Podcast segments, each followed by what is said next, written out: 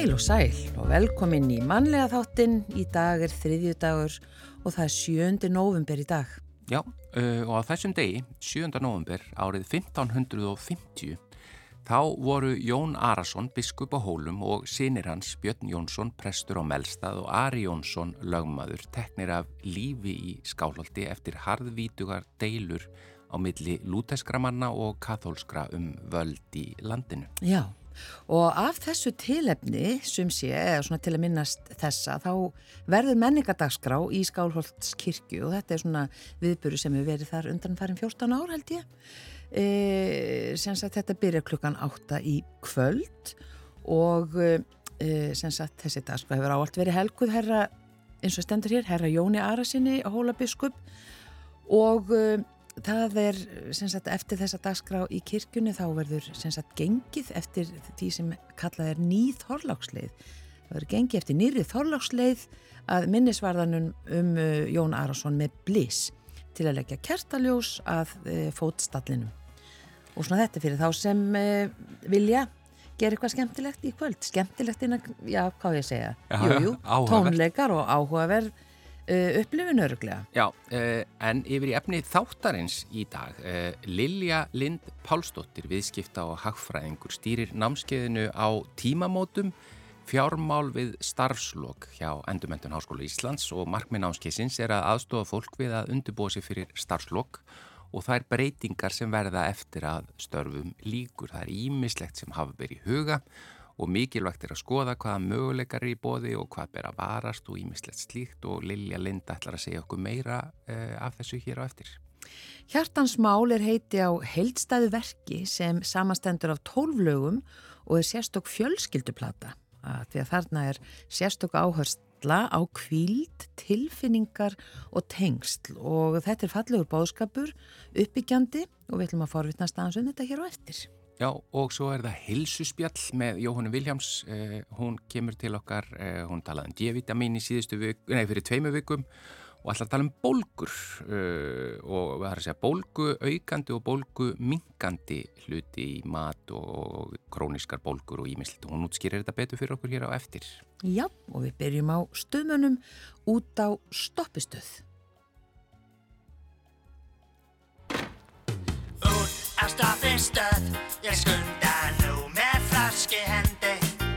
Í parti ég hjá styrastöð, ég stól á ælendi.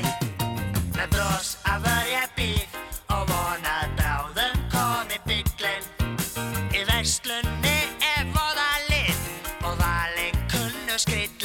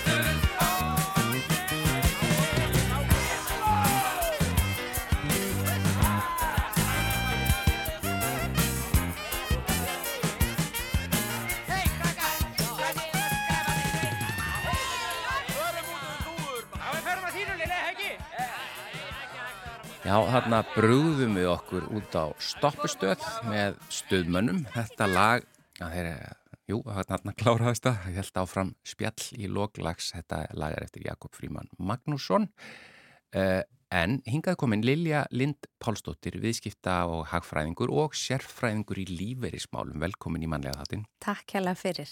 Það er þetta námskeið eh, sem að þú stýrir hjá Endurmentun Háskólu Íslands Já. á tímamótum fjármál við starfslokk. Já, passar.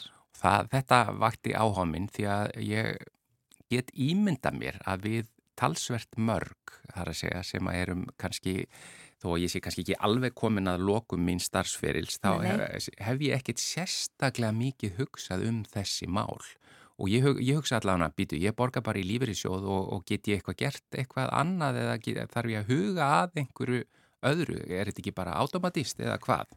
Jú, flestir er mitt bara þegar þeir byrja að vinna, þá byrjar að borgi lífersjóð og fræðslan ætti náttúrulega að startast þar. Já, Bara þegar þú ferðin á vinnumarkaðin en í rauninu ekki þú ert að fara út af vinnumarkaðnum. já, og þá er, fer maður kannski að hugsa of seint út í einhverju hluti eða hvað? það er í rauninu aldrei ofsengt að byrja Mm? og, hérna, og það er bara mikilvægt að skoða þá möguleika hvað, hvað er bóði Já, og ég segi svona að byrja að huga þessu kannski í kringum 50, svona eftir 50 já, á besta aldri á segi. besta aldri Já, en, en eins og ég segi því að lífurstaka getur hafist við 60 ára aldur og Já. árin líða náttúrulega bara 1 og 10 sko þannig að Vítu, ég sá þetta nefnilega skrifað hérna í, í kyn, kynningateksta og ég, ég er að segja, hva, hvað þýðir það að lífeirist taka geti hafist um 60? Er það, ég menna, ef maður er ennþá vinnandi og annað? já, þú getur hafið lífurstöku þegar þú ert að vinna Já, samhliða vinnu um, þú getur, vi, viðmjönaldur á lífursjónum er, er mismunandi það er 65 67 er svona algengast sumir eru með 70 og maður þarf bara að kynna sér í rauninni hvenna viðmjönaldur er á sínum lífursjóð en flestir lífursjóður bjóða upp á að hefja lífurstöku við 60 ára aldur og það er svo kallur svona snemtaka lífuris en sko, hvaða áhrif hefur það? Er það hérna, uh, og af hverju myndi maður gera það meðan maður er kannski ennþá á launum? Er það, ég meina, er maður ekki að taka þá af því sem að maður fengi síðar? Eða- Jú, í rauninni eða, þú ert alltaf að samna þínu réttindum og það verður aldrei tekið af þér sko Já, en þú veit að um leið að þú byrjar sagt, fyrir viðmjönaldur að þá ertu í rauninni aðeins farin að skerða réttindi þín já.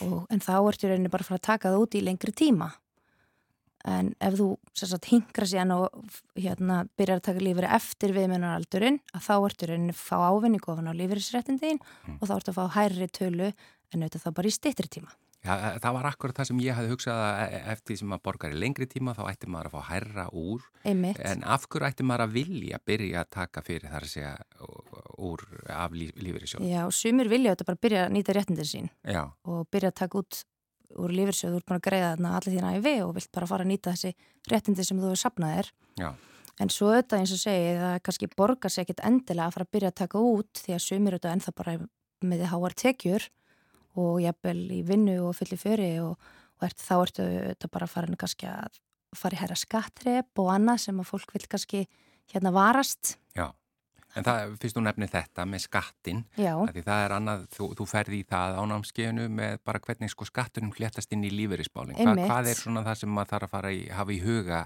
með það, með skattin? Já, sko þegar auðvitað maður fer að huga að uh, lífeyristökunni þá fer maður hægt að vinna og þá auðvitað eins og segir að þá skiptir þetta bara öllu máli að vera í rauninni bara í réttu skattþrepi og að fullnýta skattkortið sitt. Já, Og ég segi alltaf, þú veist, það skiptir einhver máli í rauninni hvar þú ert að nýta skattkortið hvort það sé á lífeyrissjóðunum eða tryggingastofnun, bara sérst að fullnýta það. en ég meina er einhver um það að fólk sé ekki að gera það eh, og án þess að átta sig á því? Já, það getur nefnilega alveg verið því að þegar þú færð frá vinnuvitöndaðinum og yfir í og byrjar að fá greislur og lífeyrssjóð að þetta er í rauninu komið til einstaklingsins í dag. Þú þarft sjálfur að láta vita að þú vilt nýta skattukortið hjá bara lífeyrssjóð A til dæmis Já, og sem sagt í rauninu þá eftir að í rauninu ert að passa að allt uppgjör og allt orlof og allt slíkt er greitt út og síðan getur þú byrjað að- að nýta skattkortið hjá sem sagt lífeyrssjóðunum já. Og hættir þá í rauninu hjá vinnuvitandunum en þú þarft sjálfur í rauninu að fylgja þessu eftir.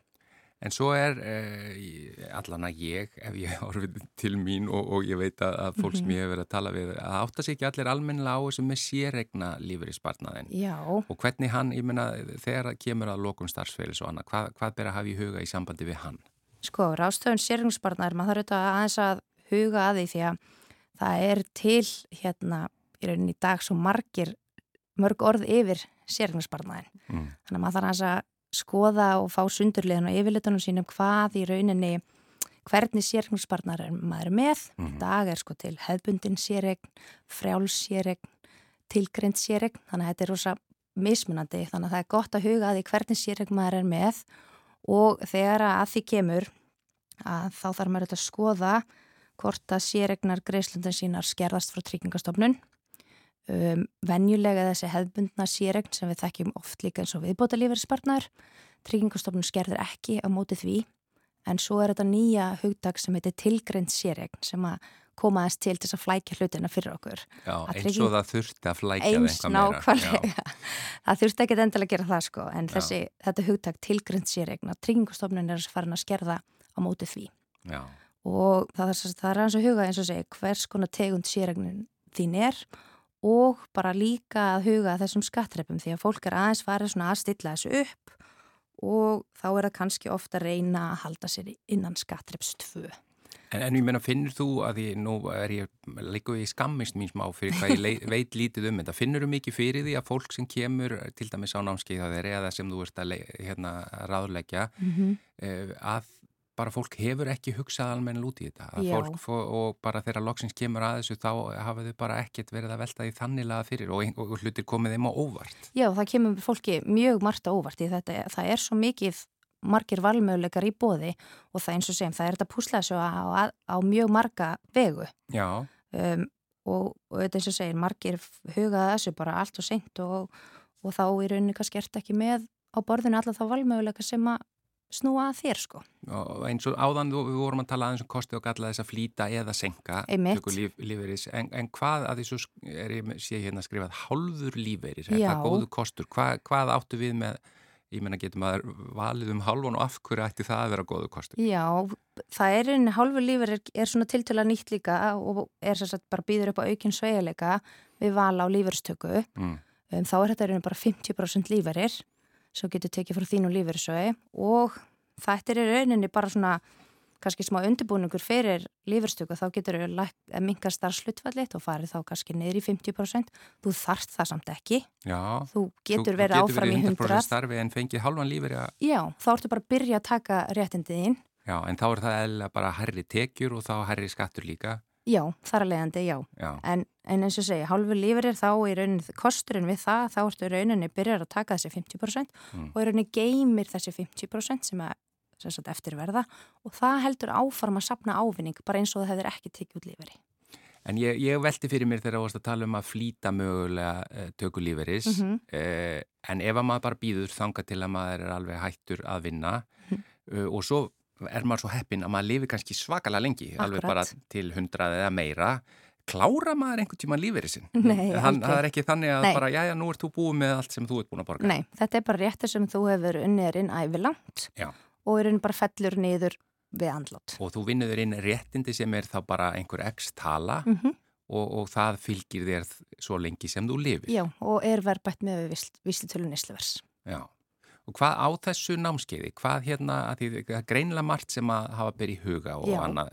Og ég meina, ef að maður hefur ekki mikið hugsað um það fyrirfram, Mm er maður fljótur að átta sig á þessu, því ég viðkenni alveg að þó þú skýrir þetta ágætlega út, þá er ég ekkert með þetta á reynu, skiluru.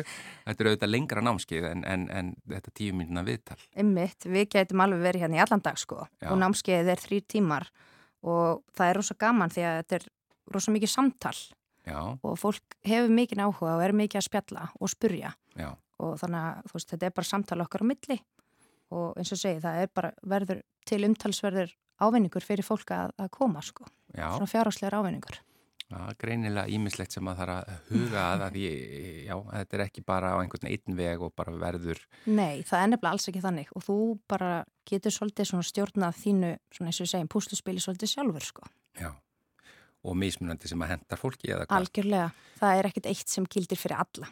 Nei. fólk voru að hafa það í huga. Hvenar hefst þetta námskeið Herru, námskeið er á fymtudaginn, 9. nómber, klukkan 19. og er bara eitt skipti eða hvað? Það er núna á fymtudaginn, svo er aftur, Nei, já, ég er að meina námskeið er ekki mörg, þú ert ekki að mæta mörgu sinnum, Nei. það er bara ein, einu það er bara sinni. eitt skipti núna á fymtudaginn Já, og við ætlum að vera sagt, eh, frá klukkan 7. Já. En svo er aftur líka, sama námskeið er líka 30. janúar, hann er ef þetta er á stuttu fyrirvari fyrir fólka, þá er það líka 30. janúar eftir áramót. og þú lofa mig því að ef ég kæmi á námskeið þá myndi ég skilja þetta betur. Alveg sjálfsagt, ég, ég, ég gef þér endi greiðslu. Nú, já, Lilja Lind Pálsdóttir, viðskipta og hagfræðingur og sérfræðingur í lífeyrismálum. Það er þetta námskeið á tímamótum fjármál við starfslokk. Þakka er innlega fyrir komuna í manlega þáttin. Takk hella fyrir mig.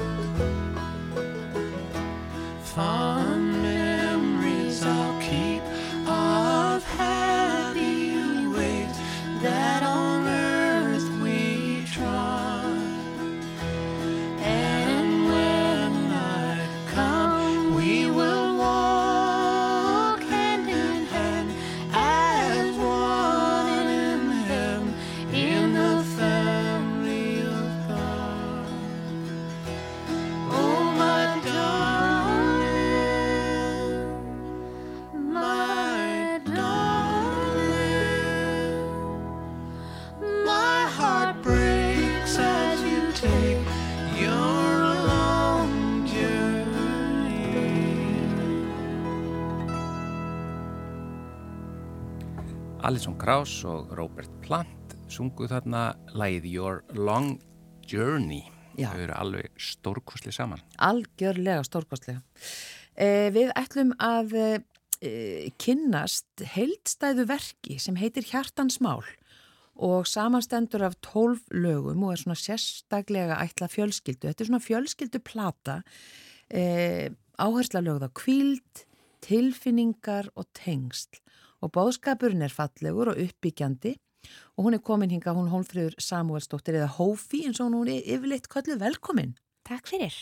E, og það svona fylgir þessu bara stór bæklingu sem við hérna Gunnar höfum fengið í hendur hérna frá þér og þetta er, e, það er margt tónlistafólk sem hérna kemur að e, flestir kannski fjölskyldu fjöls, flest fjölskyldu fólk Já. og hérna segð okkur bara aðeins hérna frá þessu. Þetta er hugsað fyrir fjölskylduna og uh, þið eru hér svona svolítið á náttfötunum með börnin ykkar með. Já, ymmið, það er svolítið gaman, þetta er svona heildrænt, þetta er svona heildstætt konsept sem er ekki gott orð, en, það er ymmið það sem þetta er. Þetta eru hérna, fyrst og fyrst er þetta tónlist og textar sem að fjalla um það sem þú sagðir áðan. Og mér fannst e, mikilvægt að velja flytjendur fyrir hvert lag sem að henduðu e, bóðskap og, og læginu sjálfu Og jú, allir flytjendur, bæði hljóðfæralegarar og e, söngvarar eru fjölskyldufólk og ég held að við séum eigum samtals 21 bann, þegar við vorum eitthvað reiknit út einhvern tíman. Já, og flest búsett fyrir austan fjall Já, og þegar ég svona fór á stað í að velja flytjendur, þá einmitt hafði ég sótt um styrk í sveitinni þar sem ég bý núna uh, og mér langaði að halda svona sýningu og var með þetta svona stóru mynd í höfðinu sem að fáir skildu nema ég sjálf. Og við byrjum svolítið á því að byrjum að festa þetta svolítið saman en endum svo að halda sýninguna fyrst og færa flutuna, flutuna til höstsins til að leggja bara metnað í hvort um sig. Já, þannig að þetta byrjaði sem síning Ég byrjaði sem síning og þetta bara, og það gekk einhvern veginn allt upp, þú veist, ég fekk frábæran ljósmyndara með okkur sem að fekk þessa hugmynd að setja okkur öllin í kassa, sem, þó við pössum ekki endilega almennt inn í kassa, en hérna þá erum við, sagt, og ég fæ hérna regnbóðanverslun til þess að styrkja okkur um sko náttvitin sem við erum í og öll fjölskyldan er þarna í náttvitum, þannig að börnin okkar fengur líka. Og við, hérna, og maðurinn minn smíðaði kassan, það hent hann var smiður og við bara svona græjum þetta, þannig að ljósmyndirna eru teknar sem sagt fyrir bæði albúmið og sýninguna í, hérna, þannig að við erum í náttvitum. Og svo búum við til þess að mynda okkur sem er framan á albúminu. Og þar hérna erum við e, þetta er svona einmitt, þetta er svona cozy galinn og þetta á að vera svona cozy þema. E, en þetta er náttúrulega ást og umhyggja og þessi bara þörf sem við höfum öll fyrir að finna ró e, í þessu hraða samfélagi. Það er svona, þar byrjar þetta og þetta byrjar í kringum börnum mín sem svo illa það langaði mig að búa til tónlist fyrir börn. En svo farðist það yfir að gera bara tónlist fyrir fjölskyldur því að við þurfum þetta ekkert síður fóreldrar þannig að sumir vilja segja að þetta sé líka fyrir sko þreytta fóreldra svo er, er þetta snerta við ömmu og afa hjartanu hjá, ég er búin að fá fórsta frá ótrúlega fólki og samt er ég eiginlega ekki búin að byrja að kynna flötuna þannig að það er, maður er eiginlega svona ennþá í ykkur svona rússipanna fólk er svona, það er líka bara átt að sig sjálft og það bara hlusta og þá held ég að finna svona veist, bara með eirunum sínum og hjartanu sínu út af hvað þetta gengur. Já, er það ekki bara? jú, sennilega. Og þetta er sem sagt allir sem koma hérna að þessu þetta er svona sameinlega hugsun um þetta að fá meiri ró inn á heimilið e, og finna þennan bara frið. Já, og bara, og kannski nota þessa einlægni sem að býr í börnunum okkar. Ég er einmitt kennari, þannig ég fæ svona einlægni barnana svolítið beint í æð og við megum stundu bara læra af þeim að vera bara reynskilin og einlæg. Og það kemur svona fram í tekstunum, bara þessi sterka ást frá fóreldri til bass og svo frá barni til fóreldris. Það eru lögablötur sem bæði sungina barni til fóreldra og öfugt. Og já, því þú spurðir á það með fólki sko fyrir austan, það er mitt ekstra stanni í kringum hennan hérna þess að síningu að ég valdi fólk sem býr í hveragerði og á Selfossi og Hellu og Golfelli þar sem að, og þetta er líka bara fólk sem að passaði þessu verki mjög vel og svo eru þetta fólk líka höfburgsvæðinu, þannig að hérna, þannig jú, það er bara svo ég klára að svara því hérna áðan. Já, En jú, þetta er bara, hugmyndin er bara að þetta sé svona fallegt fyrir alla sem að vilja finna ró og, og minna sig á hvað skiptir máli. akkurat og þú ætlar að svona fara með þetta eitthvað lenga, þú ert líka með í kollin með það ekki hugmyndir að barnaefni og, og Jú, sko, jú, einmitt. fyrir sjónvarp og Ó, jú, sko, við erum einmitt. Þegar ég svona ákvaða að leifa tónlistamannu mínum aftur að vakna, af því ég gerði tónlist fyrir nokkrum árum og svo eignast í börn og svaf ekki hérna í einhver tíma og held að heilin minn myndi aldrei skapa neitt aftur nema þú veist, hérna, já, ekki svona, allavega ekki heildstætt verk innan nokkur ára. En þegar ég fekk tækifæri til þess að minka við mig sérst vinnu og hafið þetta færa á að skapa, að þá urðu til, sko, vinn fleiri lög heldur en er á þessari flötu og jú, ég hef verið að vinna að efni sem að, hérna, sem að tengist því sama, sem eru svo tengt félagsfærni og bara styrkleikum og ég hef mikið áhuga á svona verkfærum veist, og löst, löstnum í lífinu. Og fyrir krakka, þú veist, mér svo gaman að, nota söng og lög og texta að ég held að mörg okkar tengi svo fast við sko texta í lögum. Þú veist, ef við giftum okkur og þegar við gjörðum þá veljum við oft ljóðið og svo lægir og ég vil að, þú veist, við í skólakerfinu nú þegar við erum við svona mikið fjöl, erst, fólk, bara tvítingt fólk og fólk sem er að læra tungumáli á að nota sem fjölbreyttast þann máta og tónlist er eiginlega bara að mínum að þetta er sko besta verkvarið því það færir þér gleði og saminar og þannig að það býr svo mikil kraftur í tónlistinni. Þannig að, jú, framhaldsverkefnið þú veist, maður er svona að læra pínu að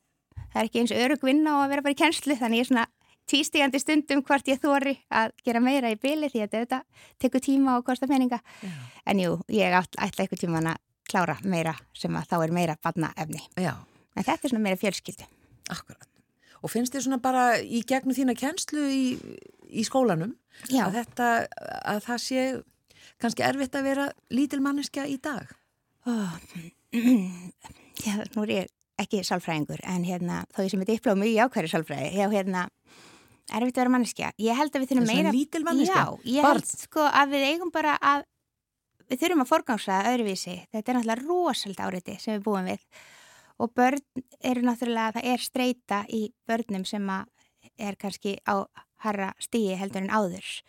Svefnbatna er orðið vandamál og sem að skapar ótrúlega mörg önnur vandamál, kvíði og, og þetta er náttúrulega og samskipti, félagsferðin okkar og svo tungumálið. Það er auðvitað, við erum að sjá auðvitað veist, slæmar niðurstur um bara tungumála ferðni, bæði í móðumálinu og bara í málþraska yfir höfuð og málskilningur, mm. til mikið um lestur og les, leskilning, en málskilningur er forsenda leskilnings og, og eins og ég segi, þú veist, ég elska að nota tónlist til þess að, þú veist, læra um nafnord, þú veist, ég er að kenna tvítingdum börnum og við kannski notum hérna draumar geta ræst með hérna Jón Jóns eða eitthvað og hérna og þau grípa nafnorinn, jafnvel þó þau skiljið það ekki, þú veist að nota tónlistina á ótrúlega fjölbreytta máta og, og gleyma því að við séum að læra á meðan. Og, og kórarnir og eitthvað þegar að krakkar læra tungumálið þeir læra framfyrin í söng og meiri börn með fólk með málþróska hérna, nei framburðarvanda er náttúrulega fólk sem stamar getur sungið og þetta er svo, ég segi, ég er alveg svo hugfangin af því hvað tónlistin er frábært verkfæri til þess að bara skapa velliðan og skapa tengsl Mm. og Og svo finnst mér gaman að, búa til texta og allt í nefn að er orðin bara, veist, ekki bara lagasmjörn, heldur líka ljóðskaldið. Og svo er það ekki nóg því að þú veist, það þarf eitthvað að heyri þetta og þá þarf maður að gera svo margt óþægilegt og þetta er búið, þú veist, þannig að þetta er búið að vera fárulegu skóli og algjör rússipanni og maður eitthvað, veit ekki alveg hvernig manni líður, en jú, þetta, þetta er einhvern veginn og ég vil bara gerna að fólk hlusti og það eru ekkit margir sem að hafa tíma Nei, í að, þú veist, bíllinn er örgulega besti staðurinn til þess að hlusta hjá fólki og, og hérna einmitt, en svo líka þetta sittist bara með kaffibóllan og, og hérna, Mm. og sittum með börnunum þegar þeir fara að sofa. Einmitt, við ætlum að heyra eitt lag að lokum. Já. Það heitir e, Pínu einsog. Mm Hva, viltu segja okkur eitthvað áður en við heyrum það? Og svo Já. kannski bara í lokin Mhm. hvar maður getur fundið þetta. Er það bara á Spotify? Já, sko, platan heitir Hjartansmál Í platan heitir Hjartansmál. og hún finnur hann á Spotify. E, heimasíðan okkar er að komast í gang og við erum líka á Instagram og Facebook sem Hjartansmál. Þannig að við reynum að setja allar upplýsingar um verkið þar. Pínu eins og fjall, fjallar um fjölbreytileikan og við erum þetta fjórar í söngkóp sem við kvöldum þegar að vera til sem að, og þetta er fyrstu, fyrstu lögin sem við gefum út saman sem hópur og í þessu lægi erum við fjórar að tólka ólík blóm sem að geta samt vaksið hlifið lið og ég held svona fólk heyri svona um hvað þetta er þegar að þetta er auðvitað myndmál Já. en ég, við elskum þannig Já. Og hverja syngja þetta? Það er þú. Það er ég og það er Glótis Margrét sem að bæði spilar á pianoplötun og syngur með okkur. Hún er hérna Baldursbráin og Rakel Fáls, hún hérna er lúpínan hún er mikið lúpína og hérna og ég fæ að vera rósin.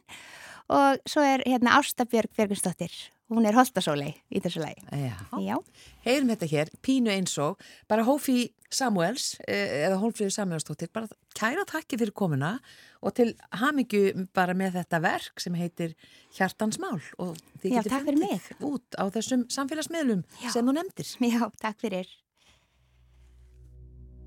Baldursbráin besta bærir nú á sér Hún brosir til mín blíðlega, bætir mitt geð. Lúpínan svo lífleg, læðu púkast eig, leifir sér að lita allt. Pínu eins og ég, pínu eins og þú.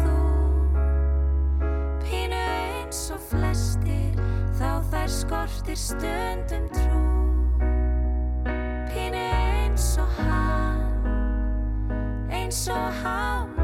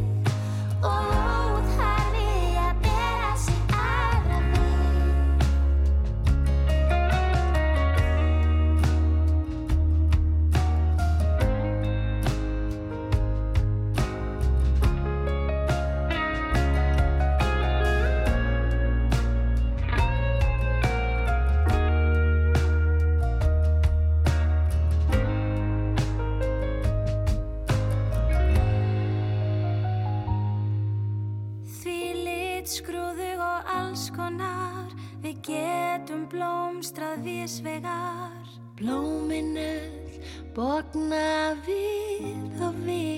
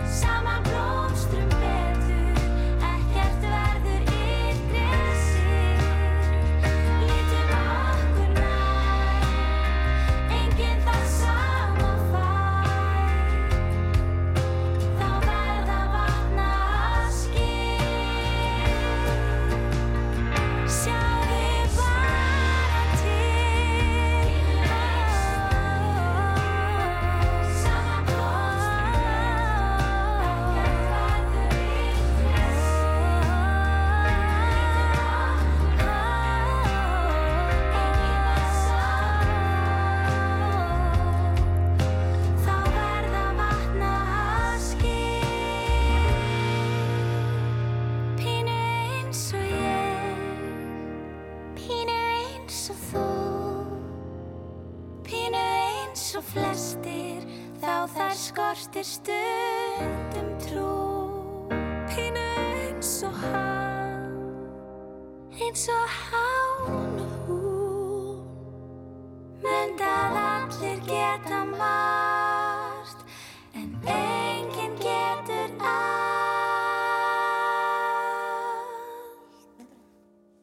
þetta lag heitir Pínu einsog, þetta er söngkópurinn Töfrar verða til og það er Hófi Samuels og Glódís, Rakel og Ásta sem eru saman í þeirri hljónsitt. Já, það er komið að heilsu spjalli með Jóhannu Vilhjáms hér í mannlega þættinum og eins og við sögðum síðast þá er þetta liður sem verður hjá okkur núna annarkvæð þriðudag og uh, alltaf gott að hafa, hafa mikrofónin á Hér er Jóhanna fært.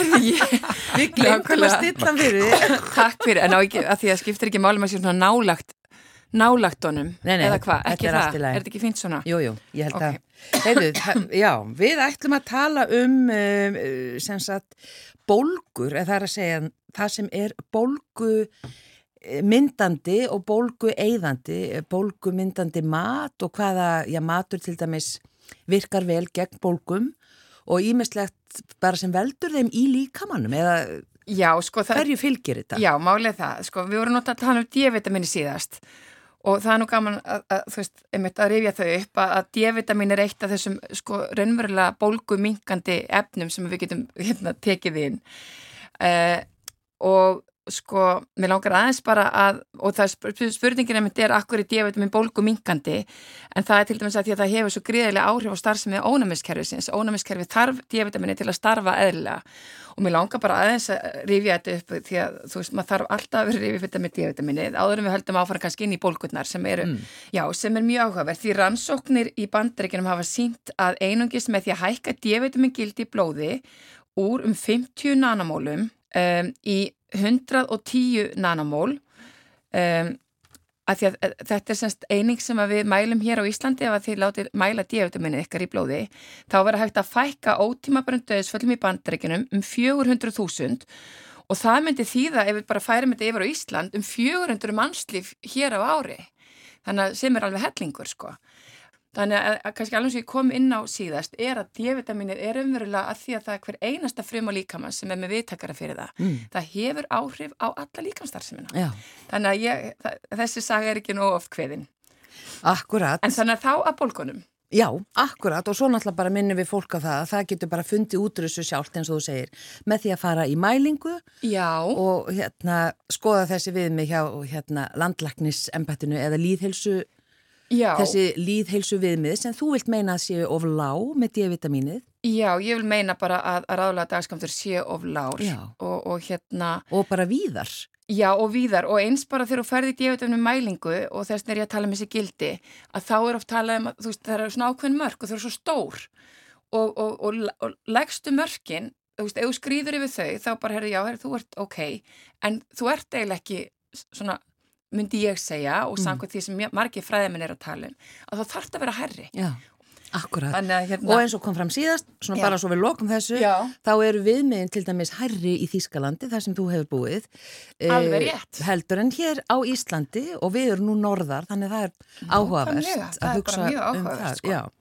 En eh, Já, það er sem- bólgunum. Já, og þar kannski eins og þú sagði, spilar hérna D-vitamini líka, eh, Til svona dæmis. ákveðna röllu. Algjörlega. Já.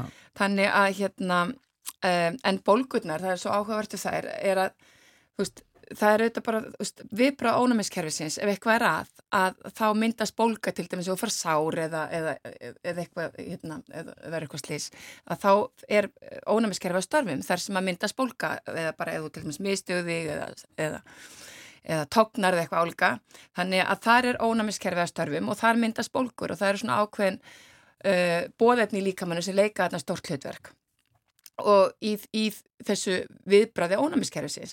En síðan eru það þessar krónísku bólkur, undirlikiti bólkur sem að, þú veist, vísindin segi í dag séu raunverulega svona undirlikindi þáttur í öllum helstu þessum sjúkdómum sem við erum að fást við í dag. Mm. Hvort sem það er gikt, uh, hjart- og æðasjúkdómar, krabbamein, sykusíki, bara allir þessi svo kvölduðu kannski svona þessi menningar sjúkdómar sem að, við erum að, um, sem að við, þessir krónísku sjúkdómar raunverulega sem við erum að glíma við. sem við erum að glíma við. Þannig að spurningin er, þú veist, af hverju þessar uh, sko krónísku bólgur og undirleikiti krónísku bólgur og, og hvernig getum við um, svona uh, gert okkar í því að draga úr þessum bólgum í líkamannum. Mm. Og það er auðvitað, sko, og þetta er ekki eitthvað einfalt svart og hvít, það er náttúrulega margt sem getur valdið svona króniskum bólgum, mjög margir þættir. Veist, en það, auðvitað, það getur verið mataræðið, þú veist, mataræðið getur ítt undir bólgur og það getur dreyið úr bólgum og svo erum við auðvitað með bara, þú veist, streituna. Hún getur vissulega ítt undir bólgur í líkamannum og síðan erum við með bara, og svefnin er auðvitað gríðilega mikilvægur, uh, þú veist, umhverfislega áhrif bara, þú veist, efnin sem við erum að fá í okkur eins og ég talaði um við okkur líka síðan, sko, þú veist, þau getur verið að valda bólgum í líkamannum, þú veist, eiturefn og annað. Uh, ofnæmi, uh, legur meldingavegur, þú veist, það er allt vegna þess að þarna er ónæmiskerfi, þú veist, að, að, að raunverulega, þú veist, þessar bólgu kannski segja okkur það, það er eitthvað að. já, okkur, okkur vantar ákveðinu jafnvel efni eins og díavitamini til að regulera ónæmiskerfi um, eða þá að, að það er eitthvað í okkar vefjum sem að líkamann er að reyna að losa sig við, veist, þannig að, að þetta getur verið margskonar Og það sem að mér langaði kannski að fara einna þess inn á er einmitt, þú veist, hvað getur við gert bara til mataræðið? Og það er alveg ljóst bara svona kannski stóra myndin er svo að, að, að þú veist, allt sem að veldur blóðsikri sikurs hækkunum og, og eins og til dæmis einföld kolvetni, sikur og annað. Það, þetta er svona eins og okkarlega bólgu myndandi matur Já. og við getum svo farið í af hverju það er, af hverju, af hverju er þessi matur með, þú veist, ákveðnum hækkunum í blóðsikri að valda króniskum bólgum í líkamannum og svo erum við með mat bara sem að hefur ekki áhrif á blóðsikurinn sem að, að við getum nota til þess að, að hérna, draga úr bólgum í líkamannum og, og það er til dæmis matur bara eins og veist, fiskur, kjöt þú veist, í, í hófi náttúrulega kjötið en, en, en veist, bara all, allur matur sem hefur ekki áhrif á blóðsikurinn Uh, hann virðist ekki vera svona bólguvaldandi eins og sikurinn og einföldu kolvetnin, kveitið og, og, og þetta allt saman. En síðan eru það semst partur af þessu sem að virðist vera eitt þáttur í því að við erum mörg fyrir krónisku bólgu ástandi. Það er semst þetta ójafvægi í fytusýrum sem við erum að taka inn í gegnum matin okkar og jafnvel vöndun á ákveðnum fytusýrum og þannig er ég að tala um omega-3 og omega-6 fytusýrunar. Því að það, eh, kannski bara svona ofur einföldun, er að, að omega-3 fytusýrur, uh, sko svona kannski í stóru myndinni eru bólgumingandi mm. og omega-6 fytusýrur bólguaukandi. Það er vegna þess að líkaminn framleiðir úr þessum fytusýrum ákveðin fytusýru hormón sem að leika stort hlutverk í viðbröða ónæmiskerfisins og meðan að fytusýru hormónin úr omega-3 fytusýrunum eru semst bólgumingandi eh, hafa sko æða útvikandi áhrif eru eh, blóðþinnandi um, að þá eru sko fytusýru hormóninu omega-6 eh, fytusýrunum akkurat öfugt. Þess, þetta hefur áhrif á kekkjamyndun í blóði á blóð þyktina og, og náttúrulega myndun á bólgum en þess að það er, sko þetta eru hvorutökja lífsnausilegar og, og hérna mikilvæg fytusýrur en spurningin er hvað er hlutfallega á milli. Já, og hvað ætti það að vera það? Já, sko það Miklu meira af omega-3?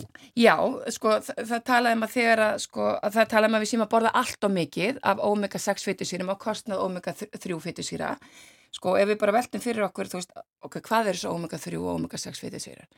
Omega-3 fytusýrurnar eru sko hvortökjur planturíkinu og síðan úr uh, dýraríkinu og þá eru við að tala um til dæms hörfrólju sem er mjög ríka omega-3 fytusýrum mm. og síðan eru við að tala um sko úr fiskinum að þá eru hérna það er svo kallar svona lengri fytusýru keðjur sko og þá um, eru við að tala um bara eins og úr feitum fiski og við getum tekið þetta í lísinu, við getum tekið þetta í, í svo kallar krillolju og svo eru fyrir þá sem eru vegan í dag að þá eru, er þetta að taka þetta að því að þær koma raunverulega upprunlega þessar löngu fytukeður sem eru í fiskinum okkar, þær koma úr þörungum. Þannig að nú er komin á markaðin ólja úr þörungum sem, að, sem þeir sem vilja ekki borða um, dýra óljöðnar geta tekið. En síðan eru þessi dásalega hörfrálja, það eru sérst omega-3 óljöðnar, en síðan ertu með, bara til að einfalda þetta, omega-6 óljöðnar, það er eins og ég myndi segja þessar óljur sem eru notaður í hverjum einasta unnamat í dag. Og þetta eru, þetta eru ekki lífrannar óljur, það eru hitaðar.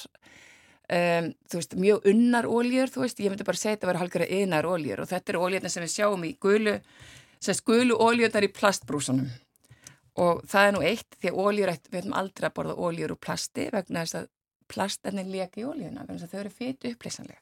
En, en sko, ef, að því þú segir að, að omega-6 sé bólgu aukandi eða, ég menna, eigum við ekki bara sneiða hjá henni, þurfum við samt á henni að halda? Já, já, á við þurfum, já, við þurfum á henni að halda en við bara í nútíma matar að fáum við allt og mikið af þessar ólíu. Mm. Já, já. En í hverju er hún svona náttúrulega þá? Og það sem að, ég menna, hún er líka bara í, bara í plöntum og í kottni og í, í bara öllu því sem við erum að borða og mm. það er raunverulega omega-3 ólían líka, þú veist, eh, en, en, en, en út af allir þessu viðbætta, þú veist, ef við værum bara að borða hreinan mat Já. og engan unni mat, þá væri þetta bara í lægi. En af því að við erum að borða, og, mig, og mörg okkar er að borða mjög mikið að unni matverum, og ég menn allar sósutna sem hún kaupur út í búð, og, og ég raunverulega bara allt sem er unnið, allt sem við erum að borða það er búið að bæta þessum ólíum við. Sko þetta skiptir kannski máli vegna þess að frumu, hver einasta frumu himna, hún inniheldur, þú veist, hérna, hún er samsett meðal annars úr þessum fytusýrum mm. og hlutullin eiga að vera með ákveðnum hætti. Það er talað um að þú veist þegar við vorum að þróast eða genamengi mannsins að vera að þróast þá hafi hlutall verið einna mútið einum en þessi orðið sko 15 mútið einum til 30 mútið einum í nútíma mataræði. Þannig að þess vegna talið líka mjög mikilvægt að taka inn við fáum auðvitað þessar fytusýrur, omega-3 fytusýrurnar með því að, að borða til dæmis fisk, feitan fisk en þá er einmitt, þú veist, líka talað um að, að, að fiskurinn okkar er svo mengaður, þú veist, feitifiskurinn að því að hann inniheldur meira svona af þessum efnum sem að, hérna sem að við hefum því miður mengað lífriki með um, en til dæmis eins og, þú veist, við fáum þetta úr lísinu, Mm. við getum tekið inn lísi og lísið er hreinsað af þessum helstu efnum en síðan eins og ég segi uh, fyrir þá sem eru uh, sko vilja ekki, þú veist, dýróliunar að þá er þetta að taka inn þessar plöntóliur eins og hörfóliuna Já, sem og- er mjög góð Og þörunga. eins Já, og svo um. þörungóliuna og sko eitt af því sem að, að hefur komið fram til dæmis varðandi skort á þessum óljum í rannsóknum er þurrkur í húð þú veist, það getur verið svona ein Já.